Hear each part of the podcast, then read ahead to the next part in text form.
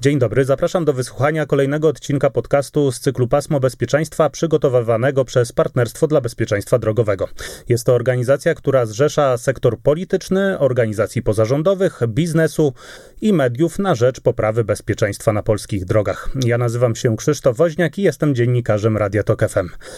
Najważniejsza jest infrastruktura drogowa. Ma to, tam to mają drogi, to mogą sobie pozwolić na różne inne rzeczy. Najpierw niech wybudują drogi, a dopiero później e, kary. Między innymi takie komentarze można przeczytać w dyskusjach o bezpieczeństwie na drogach. I niewątpliwie infrastruktura jest jednym z filarów tak zwanego systemowego podejścia zarządzania ryzykiem na drodze. I to właśnie infrastruktura będzie bohaterką dzisiejszego odcinka. A gośćmi są doktor inżynier Wojciech Kustra, Katedra Inżynierii Drogowej i Transportowej Politechniki Gdańskiej. Dzień dobry, panie doktorze.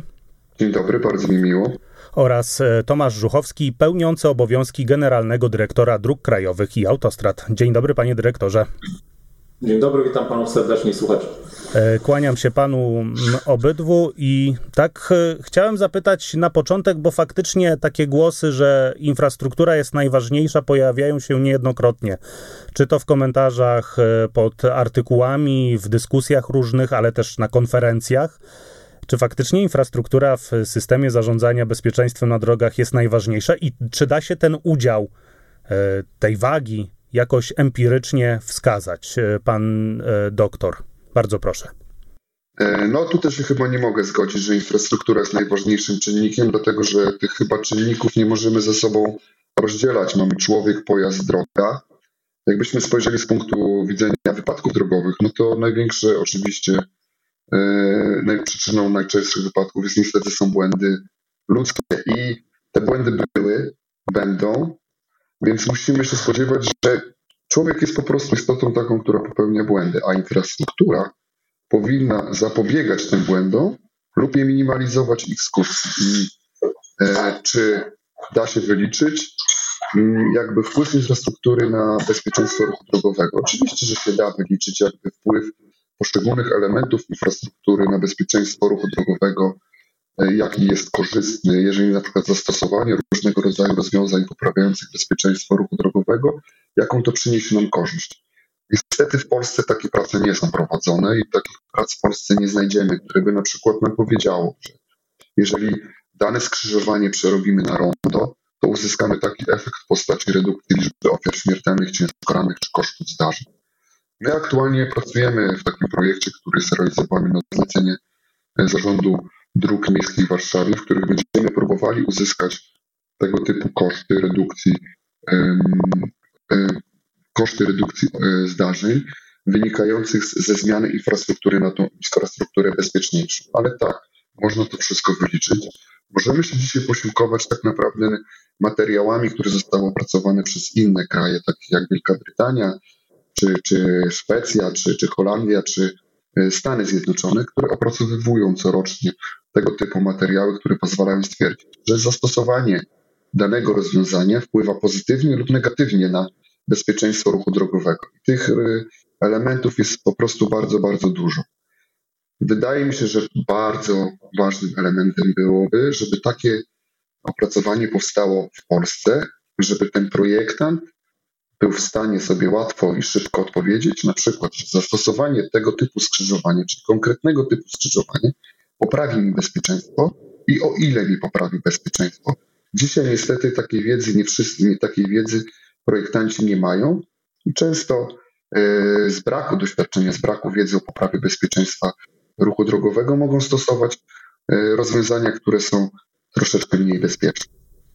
Dobrze, to teraz oddam głos e, panu dyrektorowi, bo to bardzo ciekawe, czy czy faktycznie tak jest, że nie mamy e, w Polsce opracowań, które by pokazywały, jak na przykład zastosowanie w danym miejscu zamiast zwykłego, tak zwanego, mówię ogólnikowo, ronda, e, na zmianę właśnie e, skrzyżowania zwykłego na, na zmianę na rondo przynosi jakieś efekty. To tak trudno mi uwierzyć, że Generalna Dyrekcja Dróg Krajowych i Autostrad nie robi takich opracowań. E, więc y, mam nadzieję, że pan dyrektor y, tutaj odpowie, że wy to trochę inne podejście macie do tej sprawy, no bo jako Generalna Dyrekcja Dróg Krajowych i Autostrad powinniście być przykładem dla innych zarządców dróg. Tak, powiem w ten sposób. Staramy się wywiązywać z tej roli.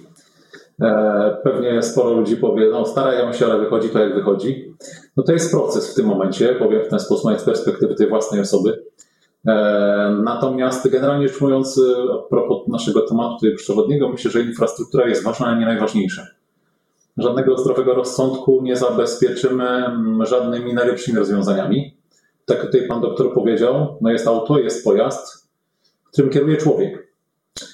I teraz w zależności od tego, jak on się zachowa, jaką ma świadomość, jak e, podchodzi do tego ruchu, tak też dzieje się na drogach. Oczywiście są takie sytuacje, kiedy infrastruktura przeszkadza, bo też nie pomaga e, w bezpiecznej jeździe. Natomiast klucz rozwiązań to jest generalnie rzecz ujmując no, pewna odpowiedzialność na drodze.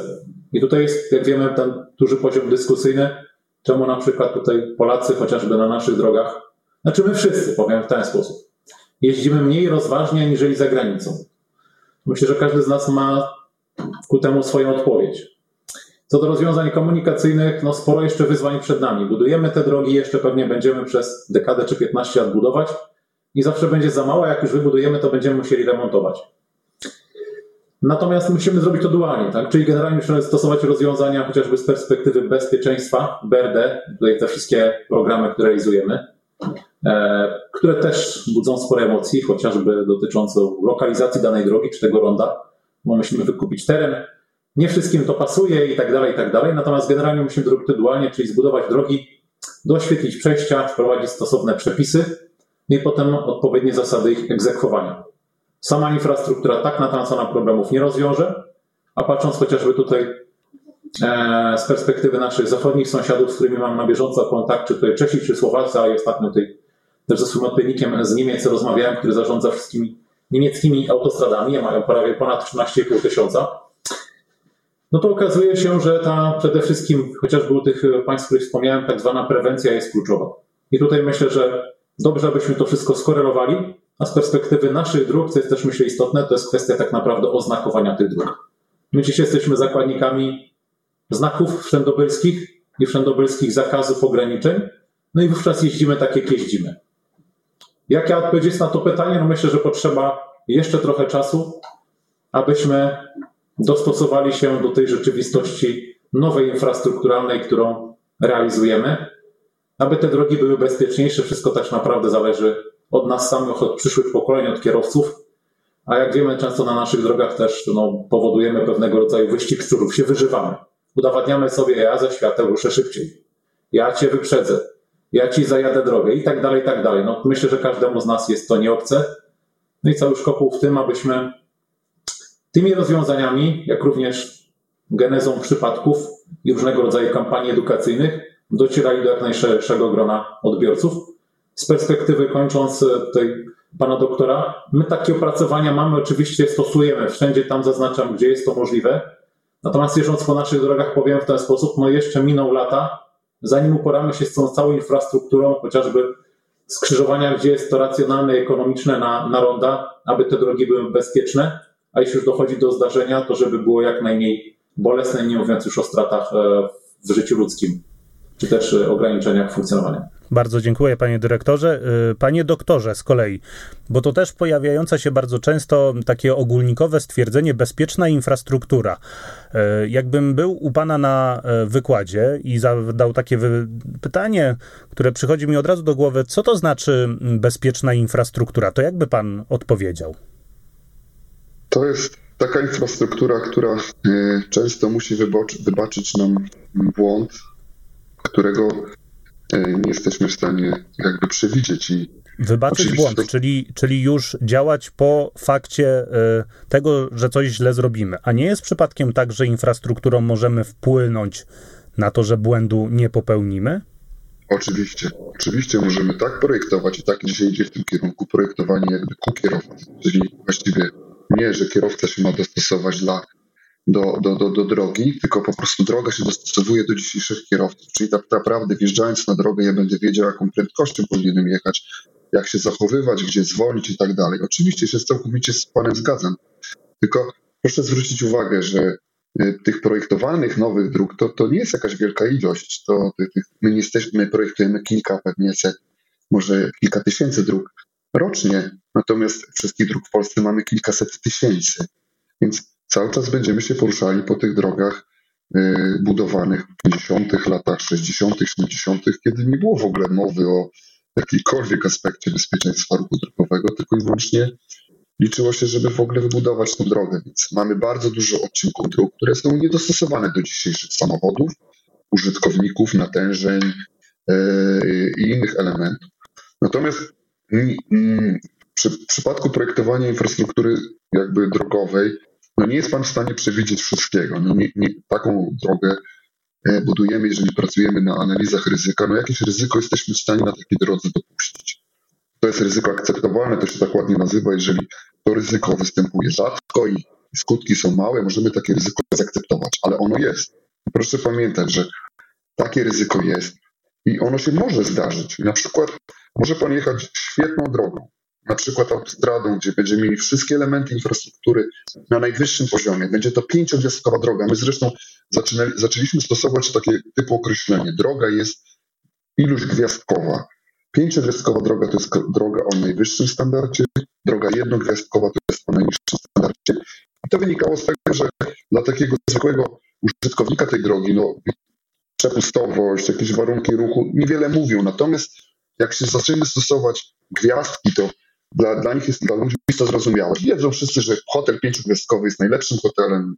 Każdy by chciał w nim mieszkać, każdy by chciał jeździć po takiej drodze i Unia Europejska wyraźnie mówi, nie powinniśmy niedługo podróżować po drogach niższych, mniej, mniej niż trzy gwiazdki.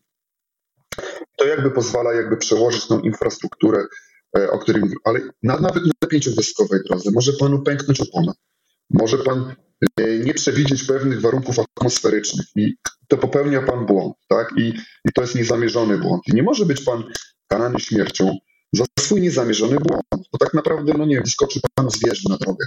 Tego nie jesteśmy w stanie przewidzieć podczas projektowania. No nikt nie projektuje drogi, okej, okay, dobra, tutaj będą co chwilę przeskakiwały jakieś takie zwierzęcia. Oczywiście my budujemy przejścia dla zwierząt i tak dalej, i tak dalej, ale wszystkiego się nie da niestety przewidzieć. Więc zawsze gdzieś ten taki błąd, takie ryzyko, że, że kierowca y, popełni niezawiniony błąd, istnieje i dlatego my mówimy, że ta droga powinna mu wybaczyć ten błąd. Nie karać go śmiercią za jakieś tam niewielkie przewinienie. I to, to jest tak jakby droga, która y, pozwala wybaczać błędy i o tym my mówimy, o tym się bardzo często mówi, że taka droga powinna być jakby budowana. Tak jak mówię, no mamy do przebudowania kilkaset tysięcy kilometrów dróg i i, I proszę zdać sobie sprawę, że my nie poprowadzimy ich nowym śladem. Pewne elementy, które zostały na nich zaprojektowane, jak łuki, pochylenia podłużne, to my jesteśmy w bardzo minimalnym stopniu skorygować. Więc one dalej będą przechodzić przez miejscowości, przez jakieś tereny zabudowane, gdzie jest większa dostępność i tak dalej, i tak dalej. I tego tak szybko nam się nie uda zrobić. Albo w ogóle podejrzewam się nie uda zrobić.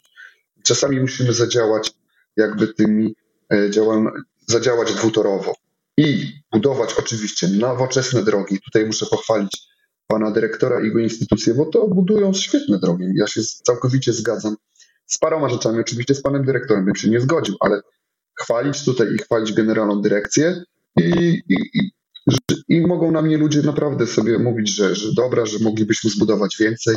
Oczywiście moglibyśmy zbudować więcej, ale My dzisiaj patrząc z perspektywy polskich dróg, tych nowych dróg, nowych autostrad, dróg ekspresowych, nie mamy się czego wstydzić w Europie. Naprawdę nie mamy. To są drogi budowane w najwyższych standardach.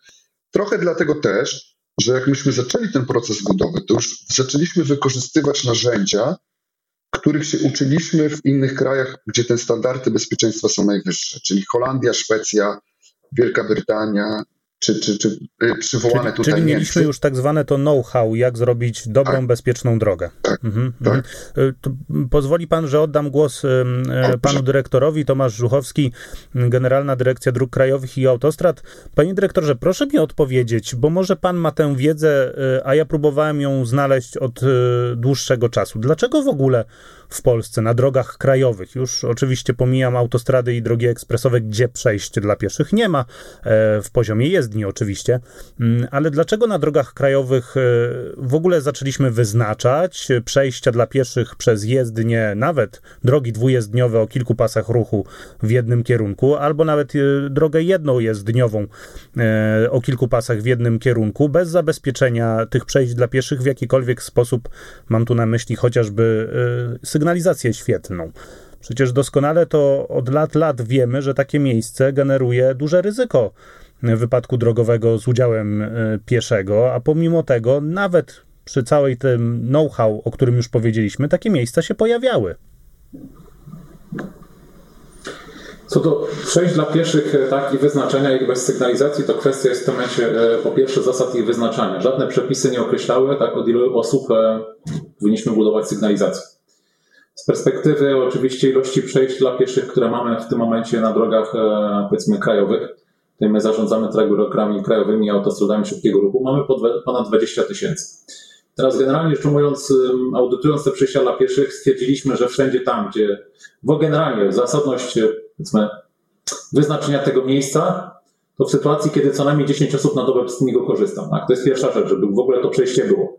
Mamy sporo dróg krajowych, nie wchodząc już w historię, trudno odpowiedzieć na pytanie, dlaczego tak robiono, e, niezasadnie wyznaczonych. Tak? Czyli gdzieś narysowano przejście, potem ono się okazuje, że się nie sprawdziło, albo też komunikacja publiczna została zlikwidowana, zniesiona, jak wiemy, te czasy się zmieniają i to, co było 20 lat temu, dzisiaj już zupełnie nie ma racji bytu, chociażby powszechność PKS-ów, no powoduje, że dalej to przejście jest. Teraz e, idąc dalej, e, nie oceniając tego, dlaczego tak było, mając na względzie to bezpieczeństwo i pewnego rodzaju to know-how, o którym żeśmy wcześniej mówili, z naszej strony postanowiliśmy dwa lata temu e, przeprowadzić taki audyt BRD, Bezpieczeństwa Ruchu Drogowego na przejściach dla pieszych, którym zbadaliśmy te przejścia dla pieszych, e, etap pierwszy, na bazie których określiliśmy sobie przejścia dla pieszych, które wymagają po pierwsze doświetlenia i lepszego oznakowania, a przypomnę, że oznakowanie przejść dla pieszych jest różne. Na różnych drogach, wynika to z wizji projektanta i akceptacji powiedzmy tutaj zarządcy drogi, czy takie czynne rozwiązanie jest ok. Jak również wyznaczyliśmy te przejścia, które powinny zostać zniesione, zlikwidowane, czy też wyznaczone w innym bezpiecznym miejscu. To się dopiero teraz dzieje. Ta świadomość jest budowana w ostatnich latach e, przez zarządców, przez dzisiaj powiedzmy tutaj e, stronę rządową, tak, bo mamy program bezpiecznej infrastruktury drogowej, gdzie te przejścia będziemy doświetlali. Wcześniej myślę, że z perspektywy raz braku wiedzy, dwa środków, wyznaczano te przejścia po prostu, żeby one były. Nie zakładając, że te przejścia z perspektywy zachowań kierowców i ograniczeń, które im towarzyszą, jak wiemy, mamy przejścia i w terenie zabudowanym, niezabudowanym, no będą generatorem powiedzmy niebezpiecznych zachowań, no i co za tym się kryje oczywiście nieszczęśliwych czy tragicznych wypadków. Myślę, że to jest etap do zrealizowania, natomiast y, idąc dalej też w świat powiedzmy tej naszej, nazwijmy to dyskusji, trudno wskazać, abyśmy infrastrukturą zabezpieczyli, czy też wybaczyli błędy kierowcom. Bo to, że przejdzie przez moją drogę łoś, czy mam przejście chociażby na do szybkiego ruchu czy autostradzie, wygrodzoną drogę i przejście dla zwierząt, jak wiemy, łoś skacze przez drogę.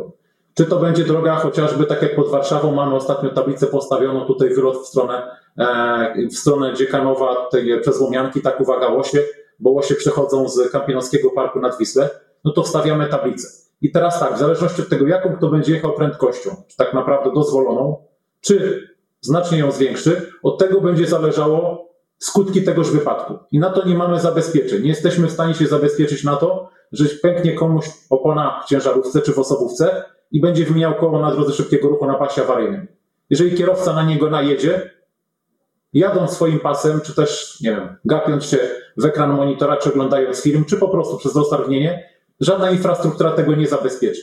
Musimy niestety albo stety do tych nowych standardów, nowych rozwiązań dostosować swoje funkcjonowanie.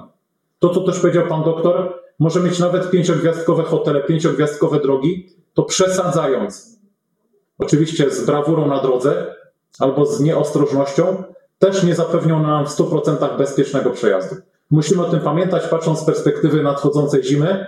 No, okazuje się też, czy też z perspektywy wypadkowości, że więcej wypadków jest tak naprawdę, jak jest piękna, słoneczna pogoda, czy prosta, ładna droga, aniżeli jak mamy trudne warunki atmosferyczne czy krętą drogę. Bo no to, to, bardziej uważamy. To, to już wiadomo, to już, to już wiadomo jest tego, że ta piękna pogoda i prosty odcinek drogi to zachęca po prostu do tego, żeby a 5 minut wcześniej uda mi się to 20 kilometrów przyspieszę jeszcze. I to jest ta nasza mentalność, tak? Plus oczywiście bramki na autostradach, mam nadzieję, że znikną, które też próbowaliśmy, jak to się mówi, walczyć z czasem, bo ile straciliśmy na bramce, tyle potem nadganialiśmy na autostradzie, żeby bilans, że tak powiem, kilometrów i spalania paliwa zachować. No. Mhm. E, panowie, jeżeli, kon... jeżeli ja mogę Bardzo proszę, panie doktorze. Mhm. Jedno, jedno tam słowo. My, jeżeli byśmy Holendrów postawili na naszych drogach, wypadków by było mniej. Wynika to niestety z, z ich zachowań. Ostatnio byłem w Holandii, jechałem sześciopasmową autostradą, gdzie było ograniczenie do 100 km na godzinę. Wszyscy jechali około 100 km na godzinę. Panie doktorze, chciałbym... tak. Tylko uważa pan, że tam w Holandii to tak zawsze było? E, ale ja nie zamierzam czerpać wzorców ze wschodnich jakby krajów, tylko zamierzam czerpać wzorce z najlepszych krajów, bo mi się wydaje, że żeby się rozwijać i ten poziom powiększać, to powinniśmy czerpać z krajów, które są na najwyższym poziomie, czyli Pełna Szwecja, zgoda, Holandia, Tylko, tylko ja zmierzam, zmierzam do trochę czegoś innego, że oczywiście tam jest bezpieczniej, oczywiście tam ludzie teraz przemieszczają się bezpieczniej, jeżdżą bardziej zgodnie z przepisami, już żeby nie mówić takiego frazesu, że w ogóle nie zdarza im się y, jeździć szybciej niż limit prędkości pozwala ale jeżdżą bezpieczniej, ale to z czegoś wynika, bo przecież nie zawsze tak było. Wskaźniki, jak przebadamy y, różnego rodzaju bezpieczeństwa ruchu drogowego, czy to przeliczymy na milion mieszkańców, czy na miliard przejechanych kilometrów, jak się przyjrzymy tym wskaźnikom przez lata, to na przykład w Norwegii no, wiele więcej osób na milion mieszkańców ginęło niż jest to teraz. Najbezpieczniejszy kraj, jeden z najbezpieczniejszych krajów na świecie. W Holandii tak samo. Przecież to nie było tak zawsze bezpiecznie na drogach i nie zawsze i nie od zawsze ludzie się przemieszczali bezpiecznie. Jakoś wpłynęliśmy na te zachowania, między innymi właśnie tą infrastrukturą, o której e, dzisiaj e, rozmawiamy. Tak mi się wydaje i mam nadzieję, że panowie się ze mną zgadzają, że to w tych krajach nie zawsze było tak bezpiecznie, jak jest e, teraz. Chciałbym panów zapytać na koniec, na koniec o jeszcze jedną bardzo ważną rzecz, która już się pojawiała w naszej rozmowie, na tem, mianowicie audytów bo o ile chodzi o autostrady i drogi te najwyższej klasy, drogi ekspresowej, mm, to te audyty są robione. Zresztą Unia Europejska e, poniekąd wymusza na nas robienie audytów na tych najważniejszych drogach europejskich, tak zwanych TENT. Mm, ale czy to nie powinno być tak, że co, nie wiem, jaki okres, audyty powinny być obowiązkowe e, na wszystkich rodzajach dróg, przynajmniej krajowych? Panie dyrektorze. Czy jak najbardziej tak, tutaj z perspektywy przepisów, to co pan redaktor powiedział, e, na przypadku uzyskania pozwolenia użytkowania dla nowej drogi, taki audyt BERDE musi być sporządzony. E, natomiast z perspektywy tych dróg istniejących, to my staramy się jako zarządca, tak, to jest świadomość też zarządcy, co tak naprawdę chce zaudytować, na co zwrócić uwagę. I myślę, że generalnie rzecz te chociażby przeglądy e, zgodnie z prawem budowlanym, tak, i pięcioletnie i roczne tej infrastruktury drogowej są, Natomiast nie zawsze ci, powiedzmy, którzy tych przeglądów dokonywali, no patrzyli w taki sposób, jakbyśmy chcieli, żeby spojrzeli na tą drogę. Bardziej patrzyli, jest znak, to jest, tak, jest droga, to jest, jak jest, jest dnia, że tak powiem, połamana, to wpisali, powiedzmy, dziura, czy też stękana nawierzchnia i tak dalej. Nie patrzono z perspektywy bezpieczeństwa. My na dzień dzisiejszy tę świadomość mamy, od powiedzmy kilku lat i myślę, że będziemy szli na pewno w tym kierunku, aby to audytowanie weszło nam w krew. Co więcej, e, kluczowe jest, abyśmy z tych audytów i wniosków z nich płynących następnie wprowadzali spójne rozwiązania na całej sieci. Bo dzisiaj generatorem też pewnego rodzaju rozjazdu tej infrastruktury, oznakowania, podejścia jest kwestia tak naprawdę ilu zarządców, tyle pomysłów. Ile zarządów wojewódzkich, powiatowych, gminnych, generalna dyrekcja, patrząc na oddziały, każdy to trochę inaczej widział. Przepisy nie do końca były spójne w tym względzie. W związku z powyższym, no jeżdżąc po Polsce, widzimy, że mamy przejścia chociażby dla pieszych, no różnie jest oznakowane różnie jest oświetlone. Jedni wynoszą tak kostką brukową, jeszcze teraz tak podnoszą w ogóle tą jezdnię, że jak ktoś przesadzi z prędkością, to wyleci w powietrze, ale musi zwolnić. My stosujemy tak na, chociażby na drogach, powiedzmy tutaj krajowych, te tak zwane wysetki, tak? albo też y, sztucznie kreujemy łuk, aby w tym momencie no, wywołać spowolnienie. To na pewno musimy usystematyzować na wszystkich drogach. I też w ostatnim czasie tutaj nawet żeśmy powołali takie forum do życia, składające się z przedstawicieli służb, wszystkich zarządców dróg krajowych, wojewódzkich, powiatowych, gminnych, zapraszając wszystkie samorządy, abyśmy przepracowali jeszcze raz te standardy, które są zapisane w rozporządzeniu ministra transportu sprzed 20 lat i na bazie tego i czasów, w których żyjemy, określili pewnego rodzaju wymagania, które będą spójne w stosunku do dróg nowych, ale i w stosunku do prowadzonych napraw to po drogach, których jeździmy, bo przypomnę tylko tutaj Panu i wszystkim Państwu, że w Polsce mamy ponad 420 tysięcy kilometrów dróg publicznych, z czego my zarządzamy prawie 18 tysiącami kilometrów. Pozostałe to są we władaniu poszczególnych, że tak powiem, samorządów bądź zarządu dróg wojewódzkich, gminnych, powiatowych. Mhm. I tu jest ta cała struktura, myślę, do przepracowania na, myślę, kolejne co najmniej dwie dekady.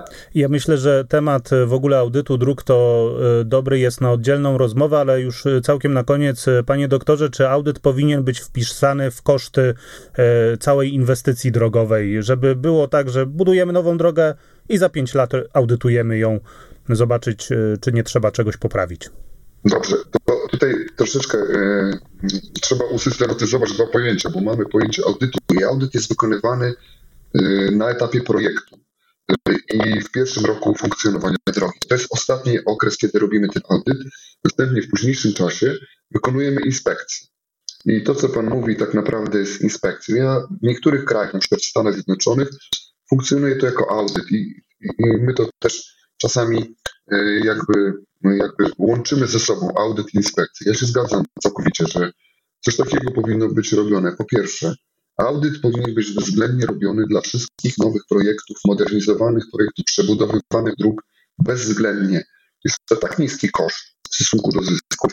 Tutaj kolega mi podesłał, że e, my nie mamy znowu polskich jakby badań, to dosyć trudne badanie, ale 20 do 1 jest jakby zysk zrobienia audytu do, do kosztów tego audytu. Czyli tak naprawdę my możemy naprawdę przygotować i, i, i zaudytować dany, daną drogę, żeby ona była bezpieczna. Ja mogę podać prosty przykład. Budujemy dzisiaj 100 obwodnic y, w naszym kraju na drogach krajowych.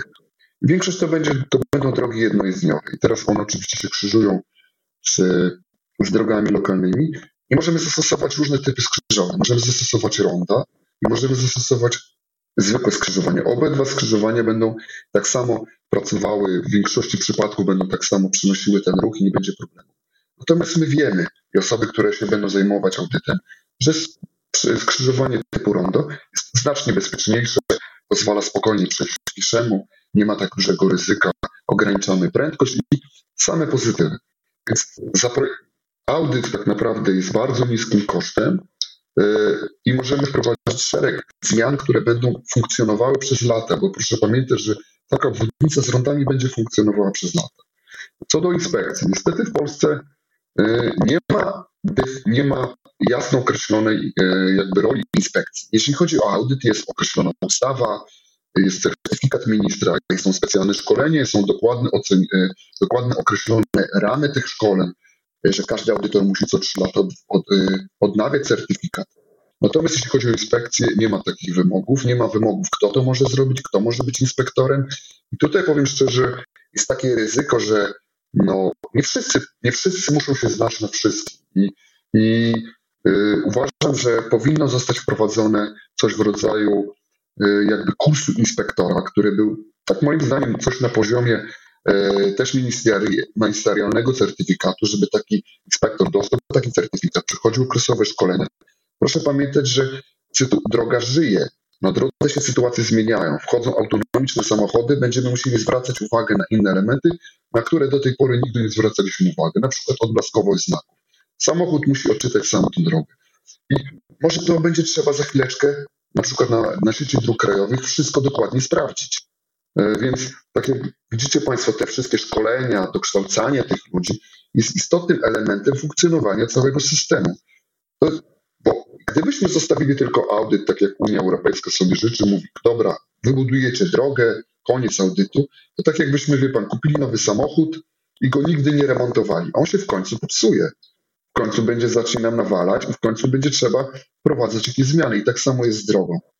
Zrobić inspekcję tego samochodu i naprawić to, co jest popsute. I tak samo jest właśnie z tą inspekcją drogową.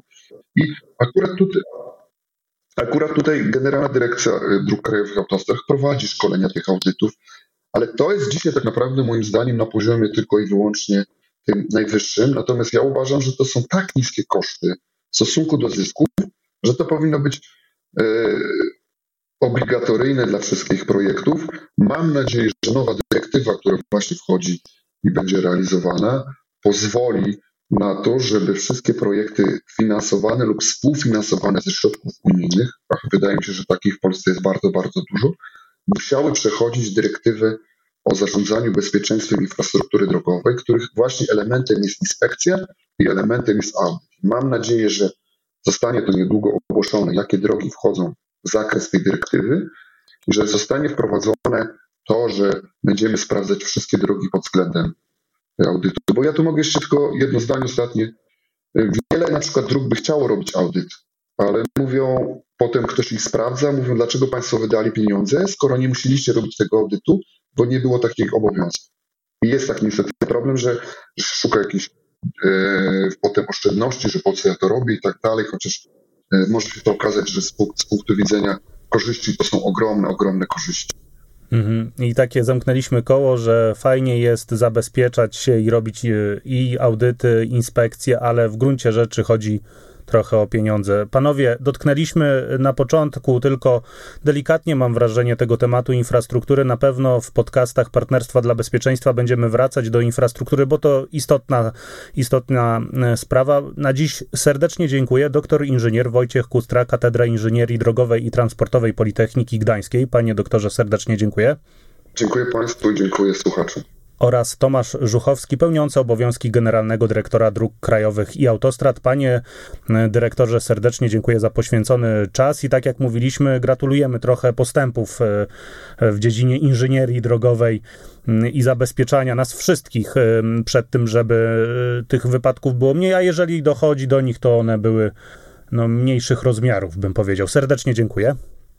Dziękuję bardzo. Trochę przed nami jeszcze do zrobienia, natomiast staramy się, będziemy starali się zadośćuczynić wszystkim potrzebom bezpiecznych dróg. Życzę wszystkim. Oby, oby to bezpieczeństwo się poprawiało. Ja również dziękuję. Krzysztof Woźniak, kłaniam się nisko i zachęcam do wysłuchania wszystkich odcinków podcastu Pasmo Bezpieczeństwa, dostępnych oczywiście na stronie internetowej Partnerstwa dla Bezpieczeństwa Drogowego. Do usłyszenia.